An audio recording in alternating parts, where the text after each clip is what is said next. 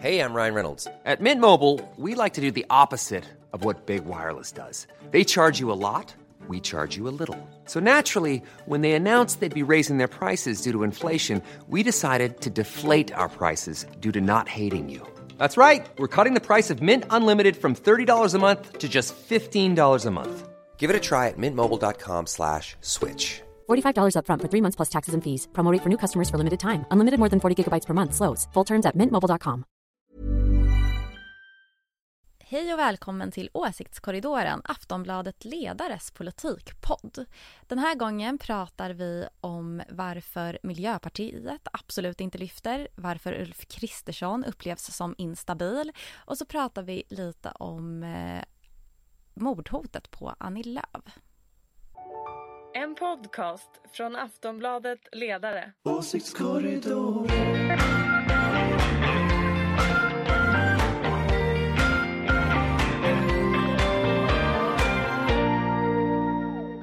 Hej och välkomna till Åsiktskorridoren, din kompass i den politiska vildmarken. Det är bara en dryg vecka kvar till valdagen och just nu snurrar allas nålar vilt. Med mig för att reda ut vad som egentligen händer har jag precis som vanligt vår panel med några av svensk politiks skarpaste betraktare. Från den gröna och liberala tankesmedjan Fores, Ulrika Schenström. Här presenterar vi dig som oberoende moderat. Välkommen! Hej hej, här är jag! Från Aftonbladets oberoende socialdemokratiska ledarsida kommer Sina Aldevani. Välkommen! Tack! Och eh, med andan i halsen Ja, jag har också det. Men eh, med andan i halsen, Aftonbladets politiska chefredaktör Anders Lindberg. Eh, du får etiketten oberoende socialdemokrat. Hej, hej. Själv heter jag Ingvar Persson och skriver till vardags ledare i Aftonbladet. I den här podden är det ju min uppgift att ställa frågor och försöka hålla en smula ordning. Eh, jag tar mig an utmaningen direkt och så sätter vi igång. Eh, I förra veckan fick vi veta att polisutredningen efter mordet på Ingmarie Wieselgren i Visby nu pekar på att Annie Lööf också var ett tänkt offer. En uppgift som för några ögonblick faktiskt satte hela valrörelsen i ett annat perspektiv. Kommer de här uppgifterna att påverka hur svenska politiker kan möta väljarna, Sina? Eh, jag tror väl att det där redan har förändrats eh, sen tidigare. Eh, det är inte den första politikern som blir hotad. Vi har haft politiker som har blivit mördade. Däremot så tror jag att det kanske kommer göra någonting med Almedalen eller Almedalsveckan. Eh, och det är ju ganska trist för att det, är, det finns ju ändå någon typ av öppenhet eh, som eh, och det kanske blir mindre öppet helt enkelt. Eller så skärper de till säkerheten på något sätt så att man fortfarande kan möta politiker. Men det där har ju verkligen varit en gradvis förflyttning, eh, tror jag, under flera år. Ulrika? Ja, och det är ju väldigt tragiskt att det ska gå åt det här hållet men eh, det kommer väl bli mycket mer säkerhet kring alla arrangemang i valrörelser och, och i annars, annat fall också. Men eh, ja, och då kommer de ju också, partiledarna eh, och företrädare av olika slag kommer ju komma längre ifrån väljarna och folket så att säga. Det blir en Säpo-vakt emellan. Ja, och sen kan det ju vara så också att folk väljer att inte engagera sig politiskt därför att man blir rädd. Och det är ju en demokratifråga, så det är lite obehagligt. Ja, det lite, ja. väldigt obehagligt. Och det hände ju bara nu häromdagen någon som hoppade av sitt parti på grund av mordhot. Det var en eh, rätt ung kvinna som sa att nu orkar jag inte mer. Eh, precis innan valet. För det är väl så också att, att det är klart att den här typen av säkerhetsarrangemang kommer ju aldrig omfatta alla. Alltså de flesta politiker i Sverige är ju fritidspolitiker ute i kommunerna. Men där händer det ju också saker Ja. hela tiden. Vad tänker du Anders? Nej men jag vet inte, jag tycker det är en jättesvår fråga. Det är liksom... Jag har ju tid efter annan haft liksom personskydd och sådana saker i Almedalen har jag haft bland annat. Och liksom strikta regler vad jag ska göra och inte göra och liksom Det där är ju Förstör ju fullständigt möjligheterna att träffa folk och det förstör ju möjligheten att vara liksom ute. Så att, Och politikerna har det ju mycket värre. Men jag menar jag hade något arrangemang för några år sedan där jag och Daniel Pohl skulle samtala om Nordiska motståndsrörelsen i vårt tält. Och vi hade ju flera polispatruller, vi hade Säkerhetspolisen, vi hade våra egna vakter. Eh, och, och, det var ju naturligtvis mitt i Almedalen, det var massa nazister överallt och vi sände på en storbildsskärm liksom rakt ut men ändå det, det känns ju som att man är någon slags jävla belägringssituation liksom. Jag kommer faktiskt ihåg, för du och jag satt i Aftonbladet TV då, det året och sände och jag kommer ihåg, det var en väldigt obehaglig stämning. Nej men det var, det var extremt obehagligt och liksom den, den, den känslan när man sen ska gå hem därifrån på kvällen eh, det, det, är liksom inget kul. Så att, så att jag undrar vad som är kvar av Almedalen efter det här. Alltså Sen, sen. Eller också blir det just därför man åker till Almedalen för att inte, liksom, de får inte vinna. Nej men så kan det vara. Sen, sen tycker jag, alltså, jag, jag måste säga det, jag tycker nog att det är ett problem att polisen vifta bort det faktum att man har låtit en knivbeväpnad nazist knalla runt i Almedalen och inte ha koll på det. Alltså när jag har pratat med liksom eh, folk som kartlägger fascism, eh, fascistiska rörelser, nazistiska rörelser De kände ju igen folk som var där Men polisen gör det inte och där måste jag säga att det, det är, det är inget bra Alltså polisen måste ha koll på om det springer runt väp, beväpnade nazister ibland alla politiker liksom. Och det någon har ju schabblat med, med underrättelsearbetet, så är det ju. Mm. Det har funnits en diskussion om, om det finns ett samband mellan den här typen av extrema liksom, eh, våldsdåd och, och tonen i debatten. Alltså hat och hot. Eh, finns det ett sådant samband, Ulrika? Nu förstod jag faktiskt inte riktigt helt och hållet vad du sa. Nej, jag, jag, jag tänker det har funnits en diskussion om ifall det, tonen i i den politiska debatten och, det, de, och inte minst på sociala medier. Ja, den är ju helt galen. Mm, om den man orkar, inte, man orkar inte vara på Twitter för det, det, är ju bara så mycket skit om jag ska vara ärlig. Det är jätteobehagligt tycker jag så jag är ganska passiv på Twitter kan jag säga. Det är mm. mycket trevligare på Facebook.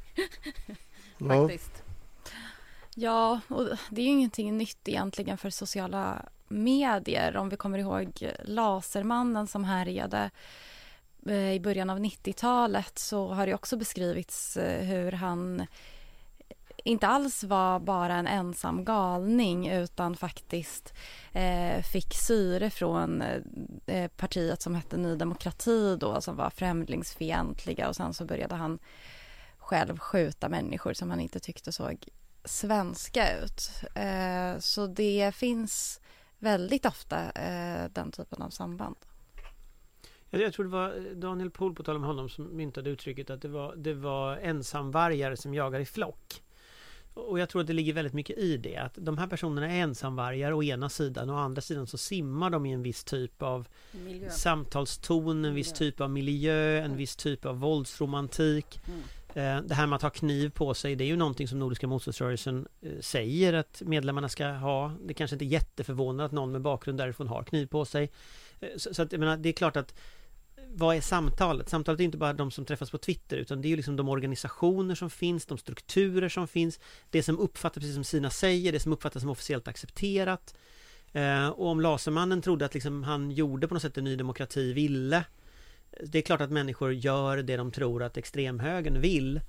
Eh, och man ser ju också efteråt ofta de här så här Folk som den här Trollhättan eh, terroristen till exempel Eh, som ändå återkom sen i så chattgrupper och på nätet som en person folk refererade till och så. Inom incelrörelsen så vet vi ju att deras liksom ikoner är ju folk som har begått grova våldsbrott som sen finns kvar liksom i, i den här rörelsens minnen.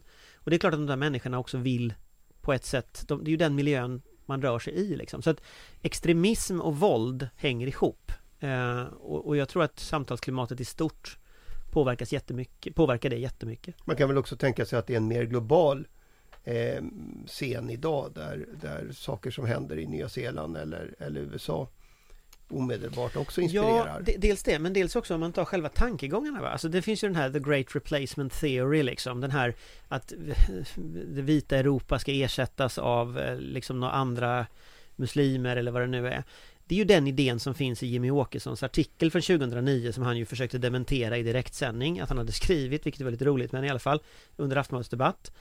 Eh, det är ju den idén att Malmös befolkning byts ut mot något annat än vad det har funnits innan.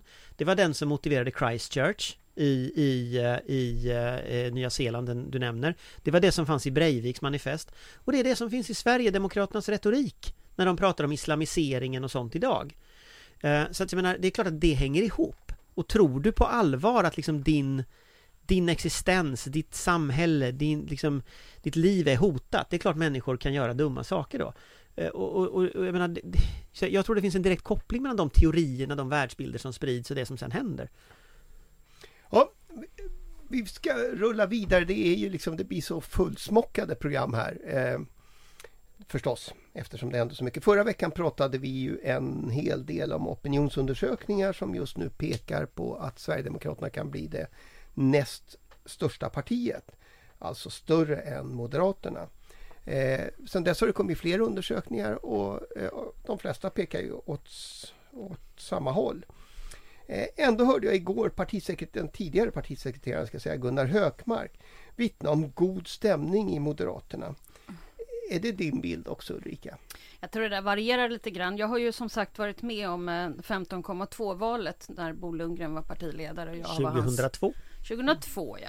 Det påstod, eh, det påstod eh, Bo, eller vet det, eh, Gunnar Hökmark att han hade glömt. Jaha, okej. Okay. Nej men det kan man inte glömma. Jag var ju ändå Bosses pressekreterare så att eh, jag kan säga att det var dålig stämning. Men om man ska orka kampanja tio dagar till så måste man hålla humöret uppe. Så att jag tror att eh, så där hade säkert jag också svarat om jag nu hade varit partisekreterare.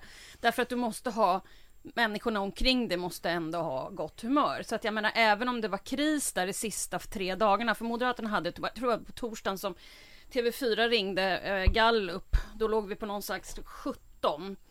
Och den helgen sen, eh, så, så, och sen på söndag, valsöndagen så blev det då 15,2. Det är klart att sånt där är ju skitjobbigt i ett parti när det går så där. Men sen vet man ju inte. Men det är klart att eh, det är klart att det är tufft. Jättetufft såklart. Och det är svaret från dig som inte är partisekreterare? Som, ja, men jag har ju också upplevt ett sånt val som de där inne just nu upplever. Eh, och så får vi se hur det går. Men man kan inte tappa tio dagar innan hela humöret. Det går ju liksom inte. Det är psykologiskt. Anders, tycker du Nej, men alltså, också varit med om svåra val. Jo, jo, visst. Eh, och det är ju så, politik är inte att få alltid som man vill utan ibland förlorar man, ibland vinner man. Men, men det är klart att jag tror någonstans, alltså vad man ofta glömmer i mediebevakningen det är ju att partier är människor. Alltså det är sociala strukturer, det är människor som har känt varandra länge, som umgås med varandra, som tycker om varandra och som just nu i Moderaternas fall går igenom en fruktansvärt jobbig period. Och det man gör då som människa det är att man hämtar stöd hos varandra. Det är ju så det funkar. Såklart, man samlar sig. Liksom. Tänk, tänk liksom jämför med en fotbollsklack liksom, som hejar på sitt lag även om det går åt skogen. Och, och, alla är inte på plan, men de som är på plan i det här fallet, om de liksom lägger sig ner i gräset och skriker, det är klart att då faller ju alltihop. Mm. Sen är det nog så att fallet i Moderaterna just nu, det är episkt. Alltså det intellektuella haveriet som ligger i deras sätt att kommunicera i sociala medier ger ju antagligen en ganska bra bild av hur stämningen är internt.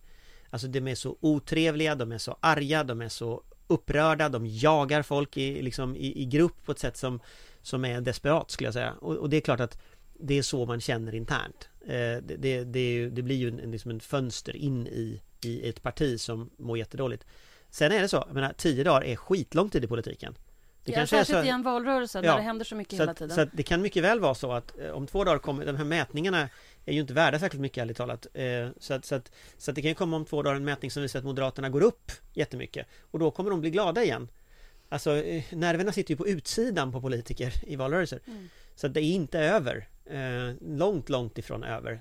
Tio dagar, tio dagar kvar. Ja men så liksom. är det ju. Men, men man kan ju också känna av, alltså det, det gör man ju. Eh, jag kommer ihåg att jag på den stod på den där balkongen när TV4 ringde och sa de här siffrorna och jag ringde till Jonny Magnusson som då var partisekreterare så kände jag så här. Liksom att man blir rädd på något sätt så det, man får ju lite panik. Men jag tror, och jag tror att det som gör extra ont för Moderaterna nu det är nog inte bara det här tappet utan det är att Sverigedemokraterna, ja, det ett parti som Ulf Kristersson står och hyllar i sitt Almedalstal nästan mer än han hyllar sitt eget parti. Eh, att de nu enligt de här mätningarna, så mycket som man nu kan lita på dem, eh, går förbi Moderaterna. Jag tror att det om någonting också kan, utan att veta så mycket om Moderaternas inre liv, kan väcka någon typ av intern ilska också. Särskilt hos dem som kanske inte ville gå åt det hållet. Så det måste ju göra extra ont på något sätt. Ja, och jag blir ju då väldigt bekymrad över, jag är ju fortfarande en alliansvän. Jag drömmer fortfarande drömmar om att vi kan återskapa alliansen. Det vet ni här inne att jag verkligen, verkligen skulle vilja det. Eh, men då är också, om Sverigedemokraterna blir större än Moderaterna, då blir det blir liksom, vad händer med borgerligheten? Den måste samla sig då, snabbt skulle jag säga. Men då när man då, och det kan ju vara så att man bildar regering och så helt plötsligt så är man under, liksom, har man Sverigedemokraternas inflytande på, på politiken och sådär. Då blir ju jag bekymrad över att alliansen är lite, lite för långt borta. Så att jag, jag skulle vilja så här göra ett upp, en litet upprop liksom, på, på temat borgerligheten, samla er, annars kommer det här gå åt skogen.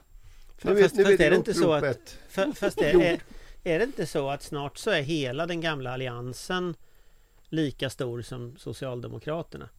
Alltså är det inte, alltså vi, vi håller på, vi närmar oss ju liksom en slags total... Ja och det är inte bra för Sverige ifall oppositionspartiet till Socialdemokraterna är ett nationalistiskt parti som inte är borgerligt. Vi behöver borgerligheten, det är bra för Sverige att, att regeringar kan komma och gå. Jag, jag tänker mig att borgerligheten Till och med du mår tycker bäst faktiskt det Anders. Delar. Till och med du tycker Men det är ju att tråkigt. det är bra för Sverige att regeringar kommer och går. Nej. Men det är ju ändå ja. tråkigt när det är borgerligheten själva som ändå så sopat lite ja, framför ja, men får Sverigedemokraterna. Nu liksom, ta er samman, gör något. Mm. Nej, men, Anders tycker att 44 år är en ungefär lagom. Ja, det var ju ungefär det. Jag vet att Anders tycker att det och jag vet att en sosse aldrig lämnar ifrån sig äh, klubban liksom. Så, så att jag, jag fattar, men jag tror det är bra för Sverige att regeringar kommer och går. Men skämt åsido så tror jag du har rätt i att, att det här med SD är liksom Det är klart att borgerligheten måste hantera det på något sätt. Men men precis det som Sina säger, alltså det, det här, om Kristersson står och säger det är ingen fara att rösta på SD,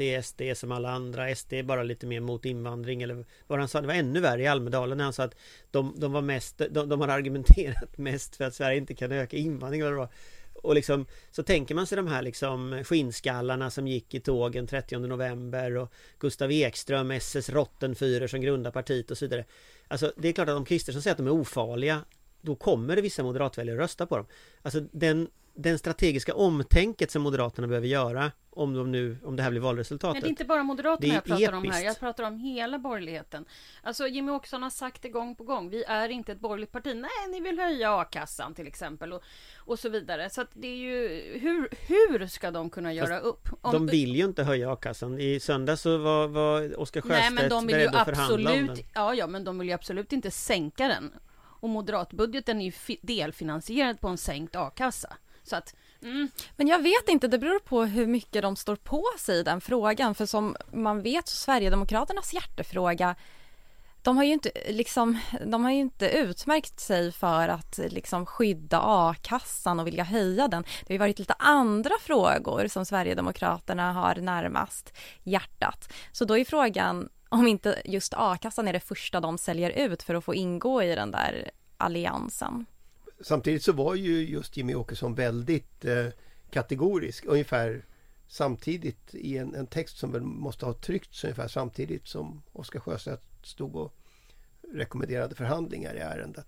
Eh, men alltså är det, är det också så att själva regeringsförhandlingarna kommer bli fruktansvärt komplicerade om ett parti som inte ska vara med i regeringen är lika stort som de två som ska vara med i regeringen. Fast på riktigt, SD kommer att vara med i regeringen. Alltså om Ulf Kristersson blir statsminister så kommer SD att vara där. Det finns inte en chans på jorden att ett parti som har 22-23 procent när Moderaterna har 17 inte skulle vara med i regeringen. Jag, jag tror att vi, vi, vi, ska snarare ställa frågan Kommer Jimmy Åkesson att göra anspråk på statsministerposten? Det är den frågan vi bör ställa. Men det är den jag har tjatat om Att de kommer att vara med i regeringen är helt självklart. De bluffar precis som de bluffade förra gången. Liberalerna kommer att acceptera... Alltså, det kan mycket väl bli så att Liberalerna får acceptera att SD är i regeringen men de själva inte är det. Alltså, ja, men då kommer alltså, de, de är folkpartister, då kommer ju de gå in till Maggans lag. Ja, fast det vet jag inte. För att nu har ju han, eh, den här eh, folkpartistledaren lagt sig platt och sprattlat med benen i luften och sagt att Det är Johan Persson det Johan. Persson och sagt att liksom De väldigt långa de benen. väldigt långa benen. Sprattlat. Jo men han ligger och sprattlar med benen i luften och så säger han till Jimmy Åkesson att Sverigedemokraterna kan lita på Liberalerna. Förlåt men ingen har någonsin kunnat lita på Liberalerna så det vore ju en unik grej. Men, men, Fick du till det men, på, ja. men på riktigt liksom, det är hans budskap. Det är det enda vallöftet som Liberalerna ger, det är att SD ska kunna lita på dem. Alltså det, det här, SD kommer att ingå i den regeringen.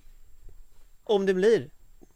Och allt annat är bluff. Ja, alltså det är ju tjänstefel om man är partiledare för ett parti som får 22-23 procent att inte vilja bli statsminister. Det är ju ett skämt! Ja, SD men det är lika stora. Alla vill väl bli statsminister? Ja, men också det är också helt paté. Alltså det är klart han kommer göra anspråk på det, sen kanske han inte blir det. Men det är klart att han inte kommer att gå från ja, hej jag vill bli det statsminister kanske till slutar hej jag med vill bli att det är Ebba som stödparti. blir statsminister. Nej, det är Johan Persson. Herregud. I en, Han grillar varje kväll Ja. och blir Jag, statsminister. jag känner på mig att vi får lämna det här ämnet om vi ska liksom hålla, hålla den här podden på lite mindre fnissig Ja, än nej, du, förra jag veckan. tycker vi har varit duktiga idag. Det har det verkligen. Eh, utmärkt, det är stort. Jag tänkte faktiskt föreslå att vi lyfter blicken en liten smula. Eh, Europa summerar precis just nu en sommar där rekord efter värmerekord efter värmerekord har slagits. I Kina hotar torkan skördarna och industrier tvingas stänga på grund av bristen på vatten. Och i Pakistan hävdar regeringen att en tredjedel av landet nu ligger under vatten och dödssiffran skrivs till en bit över tusen människor. Eh, samtidigt här hemma så har ett gäng miljöaktivister limmat fast sig på E4 för att stoppa trafiken. Eh, är det ett sätt att få in miljöfrågan i valrörelsen? Anders? det är ett sätt att få ut Miljöpartiet ur riksdagen, höll jag på att säga. Men alltså, jag tror att det finns ingen som tycker att det är en särskilt bra idé att några miljöaktivister stoppar ambulanser. Och tyvärr var det väl flera ambulanser varav någon dessutom var extre- extremt farligt ute. Så att jag tror att det där är en riskabel strategi eh, om man vill få upp frågor. Alltså civil olydnad är en sak men civil olydnad som skadar människor eller drabbar människor på ett sånt sätt den, den fungerar inte, den motverkar sitt syfte. Jag är inte emot civil olydnad men, men man kan inte Man kan Jag inte klistra fast sig framför en ambulans. Det går inte. Men, men alltså helt seriöst, det, de här fastklistrade människorna på gatan åt sidan. Alltså apropå att typ en tredjedel av Pakistan ligger under vatten och Miljöpartiet går så Vad är det som ska få de här klimat och miljöfrågorna att komma upp på agendan ens? Jag menar oavsett om det hjälper eller inte med folk som stoppar trafiken så även innan de höll på så där så höll ju, höll ju Miljöpartiet på att åka ut. Och hur kan ett parti som har en fråga egentligen som de brinner för gå så jäkla dåligt när världen bokstavligt talat brinner eller drunknar? Jag, jag förstår faktiskt inte. Ja, Alltså, jag- jag fattar inte. Men det kan, ju, det kan väl vara så här att jag, alltså, ja, men jag håller ju med Anders när det gäller det här med E4 och ambulanser och grejer. Det är ju självklart. Men varför, nu, nu tänkte jag svara på Sinas fråga om Miljöpartiet Mm, istället. det. alltså, jag tror ju att just på grund av kriget och just på grund av den osäkerhet vi har omkring oss Europa, eh, liksom Ukraina, Ryssland, hela alltihopa, hela paketet också. Vi var med om en pandemi. Jag tror att det är därför Magdalena är populär. Därför att man vill ha en sansad, stark ledare. En Angela Merkel, typ. Och jag tror att eftersom vi ser nu i mätningen att det till och med går moderater till Socialdemokraterna, tror jag egentligen handlar om att det här är senaste gången som en moderat känner igen typ Fredrik Reinfeldt eller Anders Borg i Magdalena. Det är kameralt, det är ordning och reda, pengar på fredag. Det är liksom inget larv i en tid där vi ska gå in i NATO, i en tid av ett oroligt område. Så tror jag att det är därför. Och det är därför jag tror att Miljöpartiet inte, inte lyfter. Mm. Nej men jag förstår verkligen det men jag tänker också hur kan inte frågan om just klimatet vara en fråga om ordning och reda? Alltså det, det är ju samma sak i Sverige. Det är ju översvämningar som väntar, vi har jättemycket som vi måste rusta för inför liksom kommande klimatkris, pågående. Eh, och det är inte en fråga. Den Ja. kommer ju bli en migrationskris snarare. den klimatkrisen. Ja, och ändå är det inte en-. Ja, och ändå så är det inte en fråga som står liksom som toppar agendan och Miljöpartiet verkar inte göra så mycket för att det ska bli det heller. Men de är ju också inne i en sån där situation där man försöker överleva varje dag. Och att vara supersmart under press är inte alltid så här jätteenkelt. Jag kan lova er, jag har testat. Fast om, om, jag, om jag skulle vara liksom om, om, om jag skulle liksom tänka några års sikt och vad kan man göra med Miljöpartiet eller vad skulle man kunna ha gjort med Miljöpartiet så är det väl alltså jag håller verkligen med med om det här liksom alltså det, det är konstigt att de inte lyfter när frågan lyfter och frågan är så extremt viktig samtidigt så är ju liksom att en fråga är viktig betyder ju inte att det enfrågeparti som har den frågan på sin, sin dagordning lyfter. Sverigedemokraterna hade invandring på dagordningen väldigt länge som sin enda fråga. Den var en viktig fråga för många människor. Betydligt fler än som röstade på Sverigedemokraterna. De röstade ändå inte på Sverigedemokraterna. Enfrågeförsök från andra partier har inte heller lyckats. Eh, så, så det är inte så, så enkelt. Så vad är det som gör att man inte röstar på Miljöpartiet? Jag tror att Miljöpartiet har gjort två strategiska blundrar den här mandatperioden. En var att hoppa av regeringen. Eh, Det skulle de inte ha gjort. Hade de gått in i valet som regering så hade det varit en annan fråga. Eh, Det hade varit lite jobbigare för dem. eh, Framförallt jobbigare för sossarna. Men, men de hade haft en helt annan Väldigt jobbigt för position. sossarna. Nej men en helt annan position i debatten liksom. De övergav den. Och det är väldigt konstigt. Det ska man inte göra. Det andra strategiska misstaget tror jag det är att de kanske skulle ha bytt ut eh, Per Bolund som partiledare när de avgick. De kanske skulle valt någon som var ny. Och här ser vi ju en effekt av, på Johan Persson till exempel, att, att en ny person får fart. Eh, tittar vi på Per Bolund i debatterna idag så visst, han funkar, men det är liksom habilt, men det är inte mer. Eh, Märta Stenevi tycker jag gör en jättebra debattinsats när hon, när hon, när hon, hon flyger liksom. Han gör det inte lika mycket på samma sätt. Och han har suttit ganska länge. Så att jag tänker att alltså, liksom, skulle jag byta, skulle jag liksom reda upp deras situation, då skulle jag byta ut Per Bolund till någon mera poppig person, kanske någon yngre person till exempel, som motsvarar de väljare som de ska ha. Eh, så att någon 20-åring någonting. Eh, det finns gott om personer i det partiet som, som är duktiga. Det kanske inte behöver vara en man ens. Eh, så. Och sen så skulle jag fundera lite på att bara fokusera på klimat och miljö. Skita alla andra frågor, bara fokusera efter valet. Nu har de kommit på att två veckor innan valet ska de bara fokusera på klimat. Tänk om de nästa mandatperiod bara fokuserar på klimat. Och kan komma tillbaka till väljarna sen och berätta, det här har vi levererat på klimat. Då tror jag du har liksom ett parti som har en funktion i debatten. Eh, så att något sånt där skulle jag, skulle jag göra. Faktiskt. Och de har ganska många duktiga personer som skulle kunna vara partiledare. Och jag, det här med en man en kvinna tror inte jag är helt nödvändigt längre faktiskt. Eh, Det var kanske nödvändigt när de var ett litet parti men jag tror inte det är nödvändigt längre. Fast står det inte i deras stadgar? Jag tänker att stadgar faktiskt kan ändras. Du tänker så. Eh, ja, hörni, apropå saker, eh, bara en sista punkt som eh, apropå viktiga frågor som kanske inte debatteras särskilt mycket. Eh, märks det i den svenska valdebatten att det pågår ett storkrig i Europa? Ulrika? Nej, men jag tror fortfarande att Magdalenas förtroendesiffror visar att folk är stressade. Jag tror kriget fick så mycket, mycket mer plats när det kom.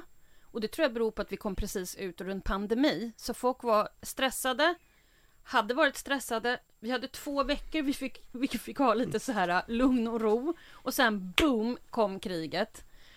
Och jag tror att den ligger underliggande. Att man vill ha ordning och reda i en tid av oro, i en tid av kaos, i en tid av krig, i en tid av...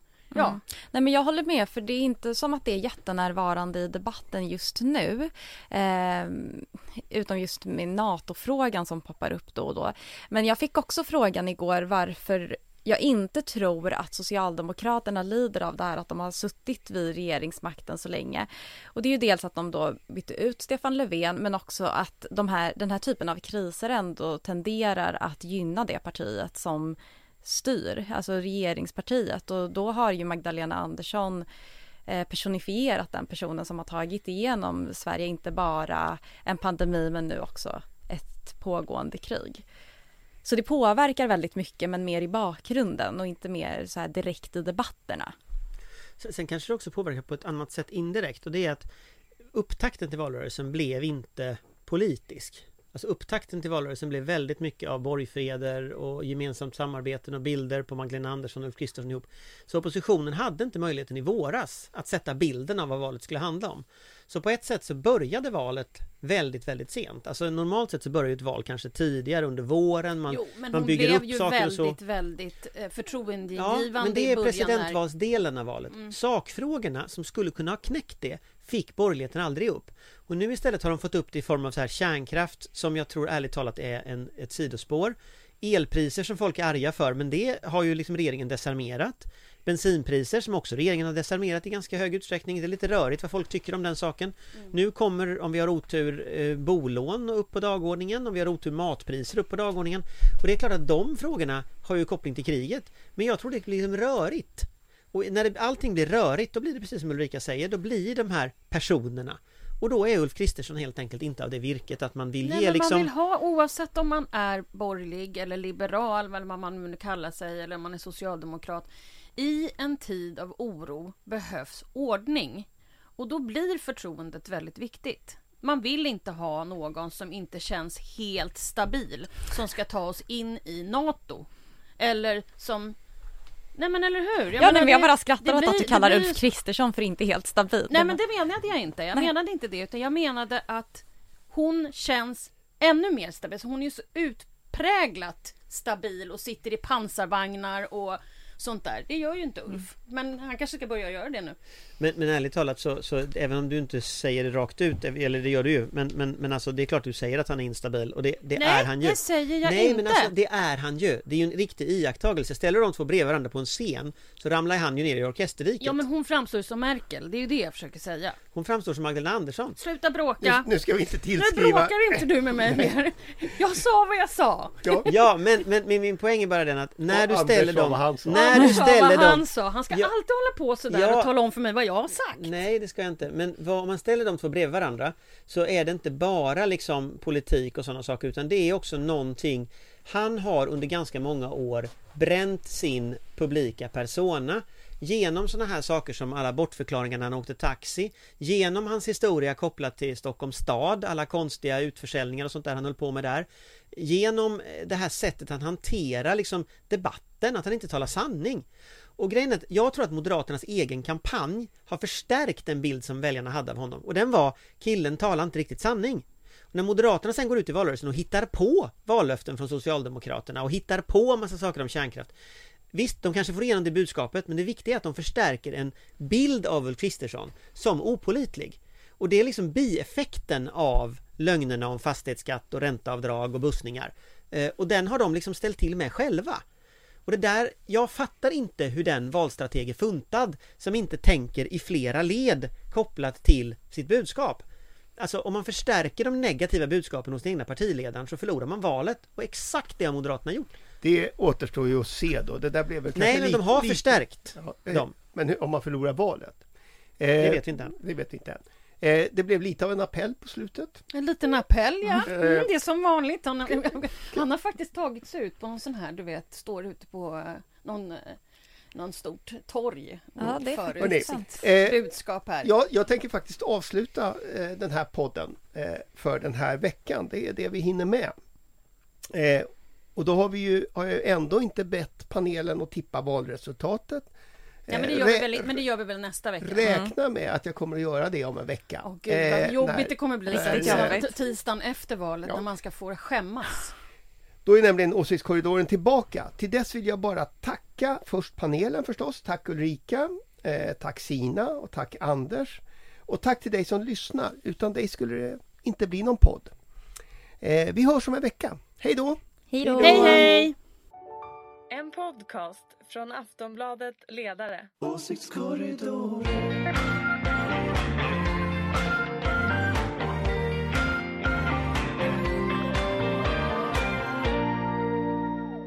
Du har lyssnat på en podcast från Aftonbladet.